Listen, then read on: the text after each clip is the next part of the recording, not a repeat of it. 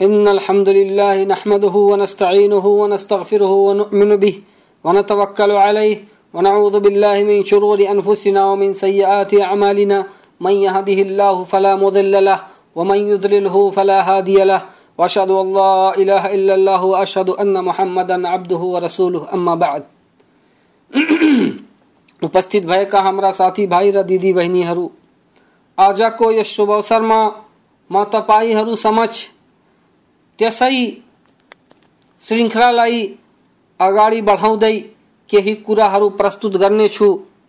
Yes आशाको साथ कि अल्लाह हामी सबैलाई यसबाट लाभान्वित हुने अवसर प्रदान गरून्। र त्यसै मध्ये आजमा लुगा कपडा पर्खाल र कागजमाथि कुनै जुधारीको चित्रण गर्नुबाट आफ्नो कुराको आरंभ गर्दछु। अल्लाहसित बिन्ती छ कि अल्लाह हामी सबैलाई सत्य भन्ने र सत्य बमोजिम कार्यरत रहने अवसर प्रदान गरून् रसूल सल्लमले भन्नुभएको छ, इन्न अशद्द अन्नासि अजाबन इन्दल्लाहि यौमल क़ियामति अल मुसव्वरुन अब्दुल्ला बिन मसऊद रजियल्लाहु अन्हु को वर्णन छ कि रसूल अलैहि वसल्लमले भन्नुभयो पर्लयको दिन चित्रकारहरू अल्लाह निकट सबैभन्दा निकृष्टम यातना भोग्नेहरू हुनेछन्। यसलाई बुखारीले वर्णन गरेका छन्। हेर्नुहोस् फतहुल बारी भाग दस, पेज तीन सौ बयासी। अबु हुरैरा रजियल्लाहु अन्हुको वर्णन छ कि रसूल सल्लल्लाहु अलैहि वसल्लमले भन्नुभयो, अल्लाहको फरमान छ कि त्यस मान्छे भन्दा अत्याचारी को हुन सक्छ, जुन मैले बनाएको सृष्टि सरह बनाउन खोज्दछ। यदि त्यसमा सृष्टि गर्ने क्षमता छ भने कुनै गेडा वा एउटा कण नै सृष्टि गरिदियोस्। यसलाई बुखारीले वर्णन गरेका छन्। हेर्नुहोस् फतहुल बारी भाग दस, पेज तीन सौ पचासी। र इब्ने अब्बास रजियल्लाहुको वर्णन छ कि रसूल सल्लल्लाहु अलैहि वसल्लमले भन्नुभयो, प्रत्येक चित्रकार नर्कमा जान्छ। त्यसले बनाएका प्रत्येक चित्रहरूमा त्यसको पराड हालेर त्यसलाई यातना दिइन्छ। अनि इब्ने अब्बास भन्छन् कि यदि तिमीलाई चित्र गर्नु नै छ भने रुख आदिको चित्र बनाऊ, जसमा प्राण नहोस् यसलाई मुस्लिमले भाग तीन पेज सोह्र सौ एकात्तरमा वर्णन गरेका छन्। त यी समस्त हदिसहरू यस कुरालाई प्रमाणित गर्छन् कि प्राण भएको कुराहरूको चित्र बनाउनु, खिच्नु हराम छ। चाहे त्यस चित्रको छाया होस् वा नहोस्, चाहे त्यो प्रिन्ट गरिएको होस् वा चित्रण गरिएको होस् वा त्यसलाई गढेर बनाइएको होस् वा अरू कुनै तरिकाले बनाइएको होस् त समस्त तरिकाहरूले चित्र बनाउनु हराम छ। किनकि हदिस समस्त प्रकार र तरिकालाई आफूभित्र समावेश गरेको छ। र वास्तविक मुसलमान इस्लामीय निर्देशनहरूलाई सम्मानको साथ स्वीकार गर्छ न कि त्यस विरुद्ध बहाना गरेर त्यसमाथि टिप्पणी गर्न खोज्छ।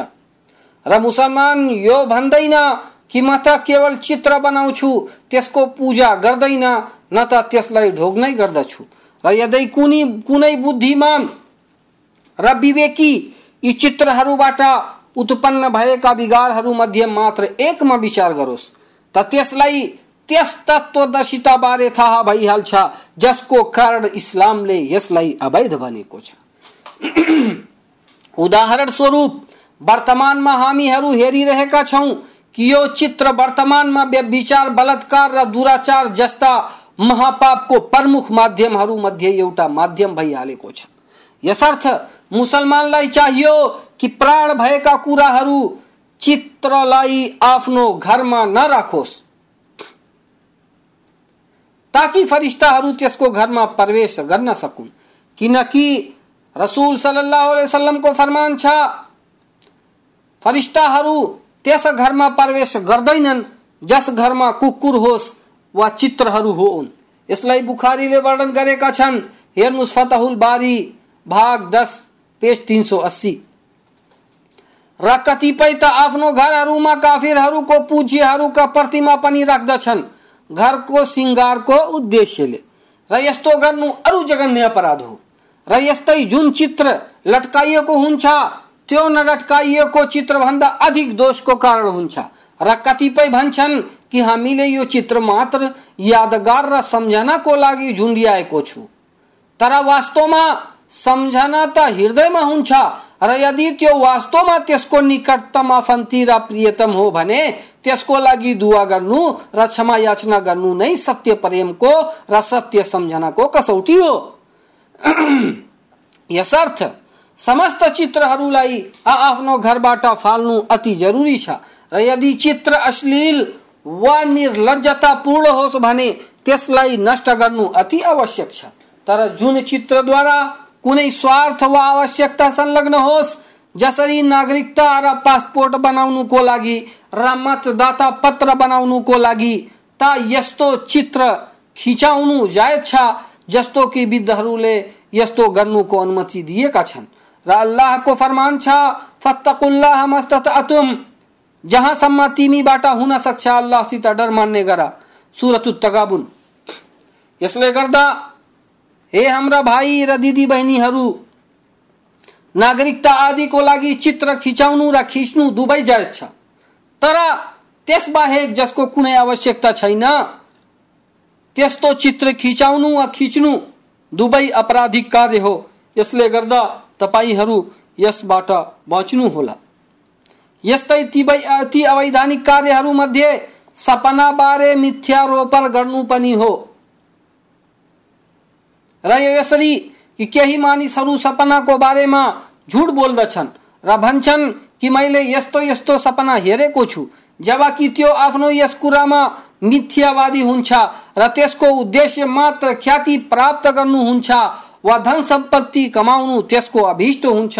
वा आफ्नो विरोधी अथवा शत्रुहरूलाई भयभीत गर्नु अभिप्राय हुन्छ। र कतिपय सर्वसाधारण मानिसहरू सपनाहरूको बारेमा अति संवेदनशील हुन्छन् र उनी सपना बारे श्रद्धा राख्दछन्, जसले गर्दा उनीलाई यसद्वारा धोका दिइन्छ, तर यस्तो गर्ने बारे सख्त चेतावनी प्रमाणित छ। रसूल सल्लल्लाहु अलैहि वसल्लम को फरमान छ निसन्देह महा झूठ यो हो कि मान्छे आफूलाई आफ्नो पिता बाहेक तरफ़ संलग्न गरोस्। वा त्यो हेरेको भनोस्, जुन त्यसको आँखाले हेरेकै छैन। र रसूल सल्लल्लाहु अलैहि वसल्लमसित त्यो कुरा संलग्न गरोस्, जुन उहाँ सल्लल्लाहु अलैहि वसल्लमले भनेका छैनन्। यसलाई बुखारीले वर्णन गरेका छन्। हेर्नुहोस् फतहुल बारी, भाग छ, पेज पाँच सौ चालिस। रसूल सल्लल्लाहु अलैहि वसल्लमको फरमान छ, जसले कुनै यस्तो सपना वर्णन गर्दछ, जसलाई त्यसले हेरेको छैन, त त्यसलाई दुईटा गहुँको गेडालाई एक अर्कासित बाँध्ने आदेश गरिन्छ, जुन त्यो कदापि गर्न सक्दैन। पूर्ण हदिससम्म। यसलाई बुखारीले वर्णन गरेका छन्, हेर्नुहोस् फतहुल बारी, भाग बाह्र, पेज चार सौ सत्ताइस। र दुई गहुँको गेडालाई आपसमा बाँध्नु असम्भव छ। यसर्थ त्यस झुट्टा मान्छेलाई उस्तै दण्ड दिइन्छ जसरी त्यसको कर्म थियो। यसले गर्दा, जुन हाम्रो समाजमा केही पापीहरू, केही पाखण्डीहरू, यो भन्छन्, मैले यस्तो यस्तो हेरेको छु, यस्तो यस्तो हुनेवाले छ हुनेवाला छ। त्यो सबै मिथ्यावादी मिथ्यावादीका कुराहरू हुन् र उनी स्वयं मिथ्यावादी हुन्। यसले गर्दा तपाईँहरू पनि यस्ता मानिसहरूबाट सतर्क रहनुहोला र स्वयं तपाईँहरू कदापि यस्तो नगर्नुहोला र यस्तै ती अवैधानिक कार्यहरू मध्ये जसलाई अधिकांश मानिसहरूले गर्हणीय ठानेका छन्, चिहानमाथि बस्नु, हिँड्नु र कब्रस्तानमा दिशा पिसाब गर्नु पनि हो। अबु हुरैरा रजियल्लाहु अन्हुको वर्णन छ कि रसूल सल्लल्लाहु अलैहि वसल्लमले भन्नुभयो कुनै चिहान माथि बस्नुबाट तिम्रो लागि यो राम्रो हुन्छ कि त्यो कुनै आगोको अगुल्टो माथि बसोस्। अनि त्यसको लुगा खरानी हुनुको कारण त्यसको चर्म पनि पोलियोस्। यसलाई मुस्लिमले भाग दुई पेज छ सौ सडसठमा वर्णन गरेका छन्। र रेहो कुरो चिहानमाथि हिँड्नुको त केही मानिसहरू आफ्नो मृतकलाई दफनाउन जाँदा अरूको चिहानमाथि चढेर जान्छन् बरु केही त जुत्ता लगाएर त्यसमाथि चढिहाल्दछन् र चिहानको मर्यादाको उल्लङ्घन गर्दछन् तर यसको बारेमा रसुल सल्लाह वसलमको फरमान छ। कुनै मुसलमानको चिहानमाथि हिँड्नु बाटा मेरो लागि उत्तम यो छ कि म कुनै आगोको अगुल्टो वा कुनै तीव्र वा आफ्नो जुत्ताद्वारा आफ्नो पाइलालाई घाइते गरिहालु। यसलाई इब्ने माजाले भाग एक, पेज चार सौ निन्यानब्बेमा वर्णन गरेका छन्। र सहिहुल जामे, हदिस नम्बर पाँच हज़ार अडतिसमा पनि यो वर्णित छ। त त्यस मान्छेको अवस्था के हुनेछ? जुन कब्रस्तानको जमिनलाई कब्जा गर्छ अनि त्यसमाथि कुनै घर वा व्यावसायिक कंपनी आदि निर्माण गर्दछ। र रह्यो कुरा, कब्रस्तानमा दिशा पिसाब गर्नुको त यस्तो कार्य मात्र असभ्य मानिसहरू गर्छन्, जसको पासमा कुनै नैतिकता हुँदैन। बरु त्यो दुष्ट र पापी हुन्छ, किनकि त्यो आफ्नो दिशा पिसाबबाट मृतकहरूलाई कष्ट पुर्याउँछ। रसुल सल्लाह वसलमको फरमान छ, कब्रस्तानमा दिशा पिसाब गर्नु र बीच बजारमा दिशा पिसाब गर्नु एकनाश छ।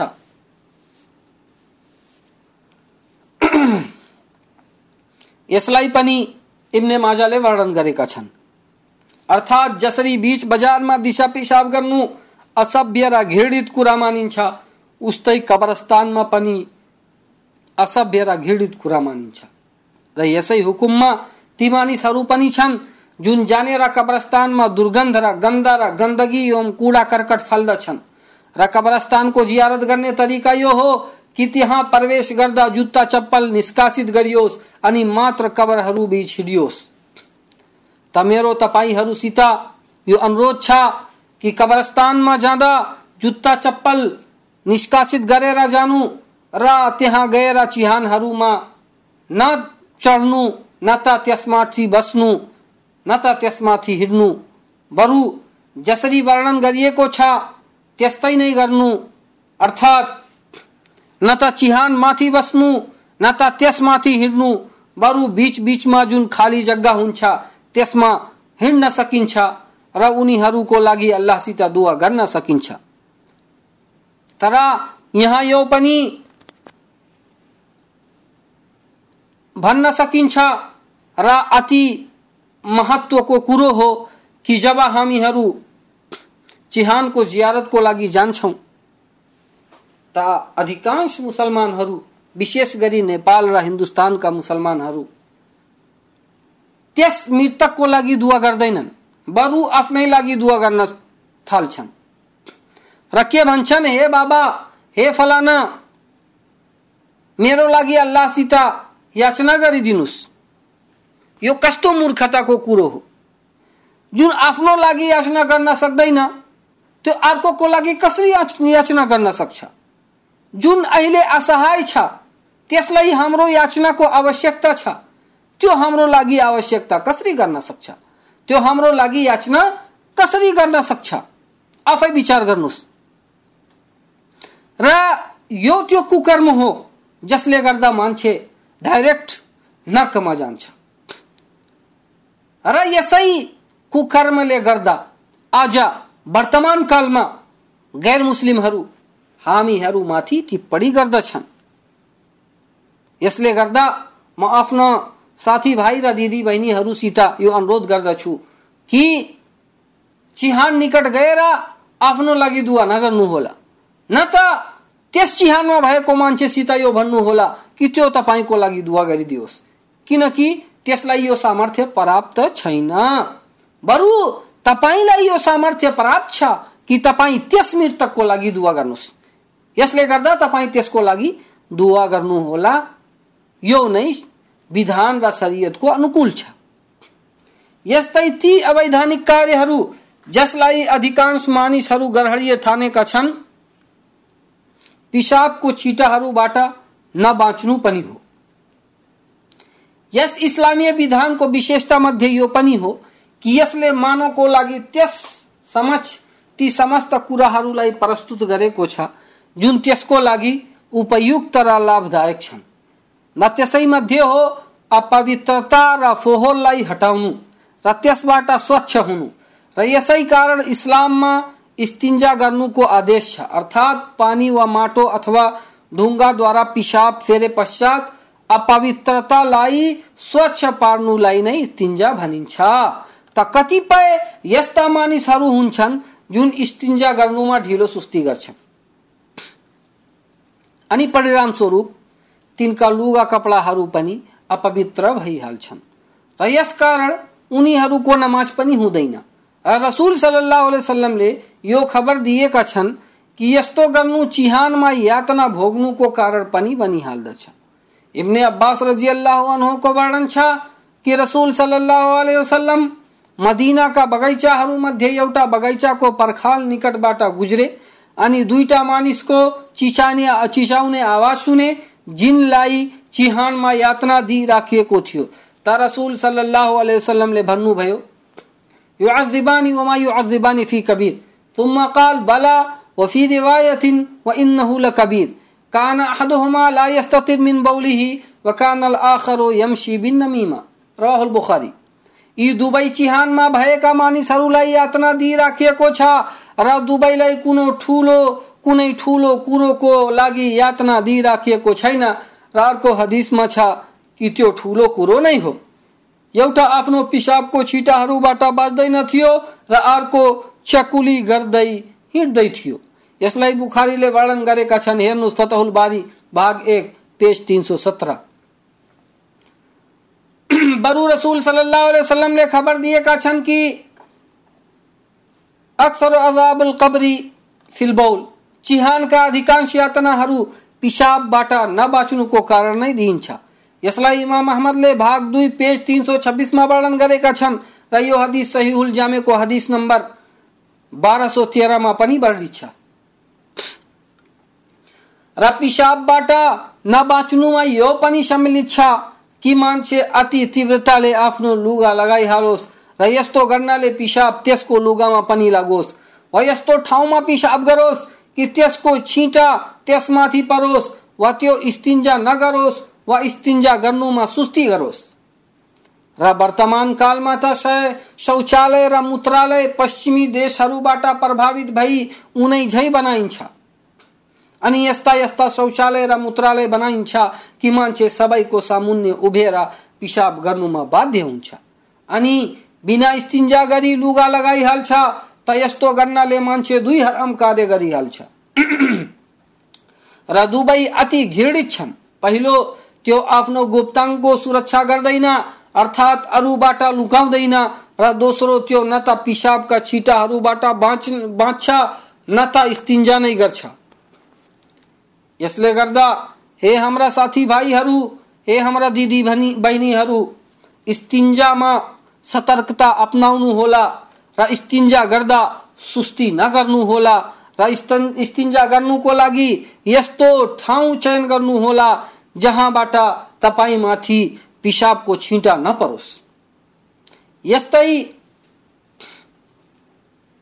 ती अवैधानिक कार्यहरूमध्ये कुनै समूहले नचाहेमा पनि तिनीहरूको कुरालाई सुन्नु पनि हो। अल्लाहको फरमान छ, या अयुहल्लज़ीन आमनु इज्तनिबू कसीरम मिन अज़्ज़न्नि इन्न बअद अज़्ज़न्नि इस्मुन वला तजस्ससू वला यग़तब बअदुकुम बअदा अयुहिब्बु अहदुकुम अन यअकुल लहम अखीहि मैतन फकरिहतुमूह वत्तकुल्लाह इन्नल्लाह तव्वाबुर रहीम। अर्थात, हे आस्थावानहरू, धेरै शङ्का उपशङ्का गर्नुबाट बच किनभने केही शङ्का पाप हुन्छन् र एकअर्काको जासुसी नगर, न त कसैको अनुपस्थितिमा निन्दा गर्नु, कि तिमीहरू मध्ये कसैले आफ्नो मृतक भाइको मासु खान चाहन्छ? के तिमीहरू मध्ये कसैले आफ्नो मृतक भाइको मासु खान चाहन्छ? यसलाई तिमीले अवश्य नै घृणा गर्नेछौ। तसर्थ, अल्लाहसित डर मान्ने गर। निश्चय नै अल्लाह पर्याश्चित स्वीकार गर्नेवाला अत्यन्त दयावान छ। सुरतुल हुजरात, श्लोक नम्बर बाह्र त प्रश्न यो भयो कि कोही पनि आफ्नो मृतक भाइको मासु खान चाहँदैन। त्यसको अर्थ हो कि कोही यदि आफ्नो भाइ मृतक भाइको मासु खान चाहँदैन भने कसैको जसुसी, कसैको चकुली नगरोस्। यो नै यसको तात्पर्य हो। र इब्ने अब्बास रजियल्लाहु को वर्णन छ कि रसूल सल्लल्लाहु अलैहि वसल्लम को फरमान छ जसले कुनै समूहको कुरालाई यस्तो अवस्थामा सुन्दछ कि तिनीहरू यसलाई मन पराउँदैनन् त त्यसको कानमा पर्लैको दिन पगलाएको पगलाइएको सिसा हालिन्छ यसलाई तबरानीले भाग ग्यारह पेज दुई सौ चौरासी र दुई सौ उन्तालिसमा वर्णन गरेका छन् र यो सहिहुल जामेको हदिस नम्बर छ हज़ार चारमा पनि वर्णित छ। र यदि मान्छे कुनै समूहको कुरा सुनेर अर्कोसित वर्णन गर्न गर्छ यस उद्देश्यले कि उनीलाई हानि पुगाओस् त यो पनि जासुसी गर्नु गर्नुको हुकुममा आउँछ र यसको साथै एउटा अर्को पाप पनि लाग्नेछ र त्यो हो चकुली र पिसुन्ता गर्नुको पाप पनि। र रसुल सल्लाह वसलमको फरमान छ कि पिसुन्ता गर्दै हिँड्नेवाला मान्छे स्वर्गमा प्रवेश गर्दैन। यसलाई बुखारीले वर्णन गरेका छन्। हेर्नुहोस्, फतहुल बारी, भाग दस, पेज चार सौ बहत्तर। र पिसुन्ताको अर्थ हो कि कुनै मानिसको कुरो सुनेर अर्कोसित त्यसलाई वर्णन गर्नु, दुवै बीच बिगार उत्पात गर्ने मनसायले। त आजको हाम्रो वर्तमान अवस्थामा यस वर्तमान युगमा यो चकुली गर्नु जसुसी गर्नु एक अर्कालाई लडाउनु, एक अर्का बीच विवाद उत्पन्न गर्नु अति सरल भइसकेको छ। यसलाई मानिसहरू यसरी गर्छन्। मानौ यसमा कुनै दोष छैन। यसमा कुनै पाप लाग्दैन। तर वास्तविकता यो हो कि यस्तो गर्ने मान्छे स्वर्गमा जाँदैन। स्वर्ग त्यसको लागि वर्जित भइहाल्छ। यसले गर्दा आज हाम्रो समाजमा जुन पिसुन्ता चलिराखेको छ, जुन चकुली गर्दै मान्छेहरू हिँडिराखेका छन् उनीहरू यो जानिराखुन् कि उनीहरूलाई नर्कमा जल्नु पर्नेछ यसले गर्दा, हे हाम्रा साथीभाइहरू मेरो तपाईँहरूसित सादर अनुरोध के छ भने तपाईँहरूसित म यो अनुरोध गर्न चाहन्छु कि तपाईँहरू एक अर्काको चकुली नगर्नुहोला। नत्र तपाईँलाई पनि नर्कमा जानु नै पर्नेछ। र आजको हाम्रो समाजमा जुन यो चलन चलिरहेको छ कि जसले एकअर्का बीच विवाद गराउँछ त्यसलाई हामी अति मनिषीय भनिन्छ भन्छौँ। बरु त्यसलाई ठुलो बुद्धिमान भन्छौँ तर वास्तवमा त्यो बुद्धिमान होइन। त्यसको बुद्धि त भ्रष्ट भइसकेको छ? किनकि त्यो शान्ति चाहँदैन। त्यो विवाद चाहन्छ। त्यो समृद्धि चाहँदैन। त्यो त देशलाई समाजलाई टुक्रा गर्न चाहन्छ। यसले गर्दा मेरो अल्लाहसित बिन्ती छ कि हे अल्लाह हामी सबैलाई यस्ता खालका समस्त क्रियाकलापहरूबाट बचाइदिनु होला र हामी सबैलाई इस्लामीय निर्देशन बमोजिम कार्यरत रहने सुअवसर प्रदान गर्नुहोला हे अल्लाह, हामी सबैलाई त्यो मार्गमा लगाऊ जुन तिम्रो मार्ग हो। त्यस मार्गमा लगाऊ जसमा हाम्रो अन्तिम सन्देष्टा मोहम्मद सल्लल्लाहु अलैहि चलेर गए र उनी पश्चात उहाँका सहाबाहरू जिनबाट अल्लाह राज़ी भए र उनी अल्लाहबाट राज़ी भए।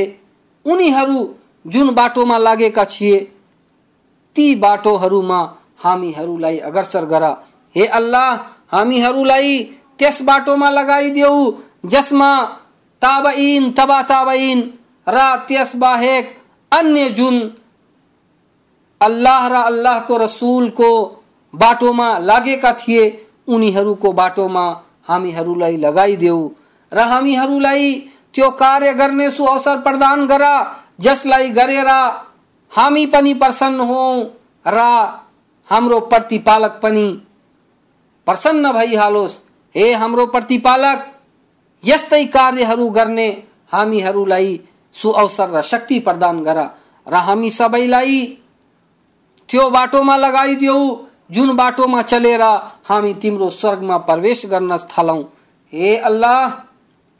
यस रमजानको महिनामा हामीहरूलाई तरावी पढ्ने र पाँचौं बखतका अनिवार्य नमाज़ पढ्ने सुअवसर प्रदान गर र हामीहरूलाई यसको लागि शक्ति र भक्ति प्रदान गर र हामीहरूलाई यसको सामर्थ्य प्रदान कर रहे अल्लाह हामीलाई दान गर्ने, जकात दिने सुअवसर प्रदान कर र हामीहरू मध्ये जुन गरीब छन्, उनीहरूलाई धन दिएर जकात र दान दिने सुअवसर प्रदान गर। हे अल्लाह, हामी मध्ये जुन बिरामी छन्, उनीहरूको बिरामीलाई लुप्त गरिदेऊ। हे अल्लाह, हामी मध्ये जुन ऋणी छन्, उनीहरूको ऋणलाई चुक्ता गरिदेऊ। हे अल्लाह, हामी मध्ये जुन निसन्तान छन्, उनीहरूलाई सन्तान प्रदान गरिदेऊ। हे अल्लाह, हामीहरू मध्ये जुन दुखी छन्, उनीहरूको दुखलाई समाप्त गरिदेऊ हे अल्लाह, हामी मध्ये जुन शत्रुहरू बीच घेरिएका छन्, उनीहरूको शत्रुलाई परास्त गर। हे अल्लाह, हाम्रा ती भाइ बहिनीहरू जिनलाई उनको घरबाट निष्कासित गरिएको छ, उनीहरूलाई आफ्नो घर प्रदान गर र उनीहरूलाई आफ्नो इफ्तारी प्रदान गर। उनीहरूलाई आफ्नो तर्फबाट जीविका प्रदान गर। हे अल्लाह तिमी त सबै सबैलाई दिनेवाला छौ। तिमी जसलाई दिन चाहन्छौ त्यसलाई कोही पनि रोक्न सक्दैन। चाहे त्यो नेटो होस् वा कुनै अरू ग्रुप कोही पनि रोक्न सक्दैन। चाहे त्यो सुपर पावर होस् वा जिरो पावर। यसले गर्दा हे अल्लाह तिमी हामीहरूलाई ती समस्त कुराहरू प्रदान गर, जुन हाम्रो यस संसारको लागि र अर्को संसारको लागि हितकर होस्। हे अल्लाह, हामी सबैको गुनाहलाई, हामी सबैको पापलाई, हामी सबैको त्रुटिलाई क्षमा गरेर आफ्नो स्वर्गमा स्थान प्रदान गर। वाखिरु दावाना अनिल हम्दुलिल्लाहि रब्बिल आलमीन।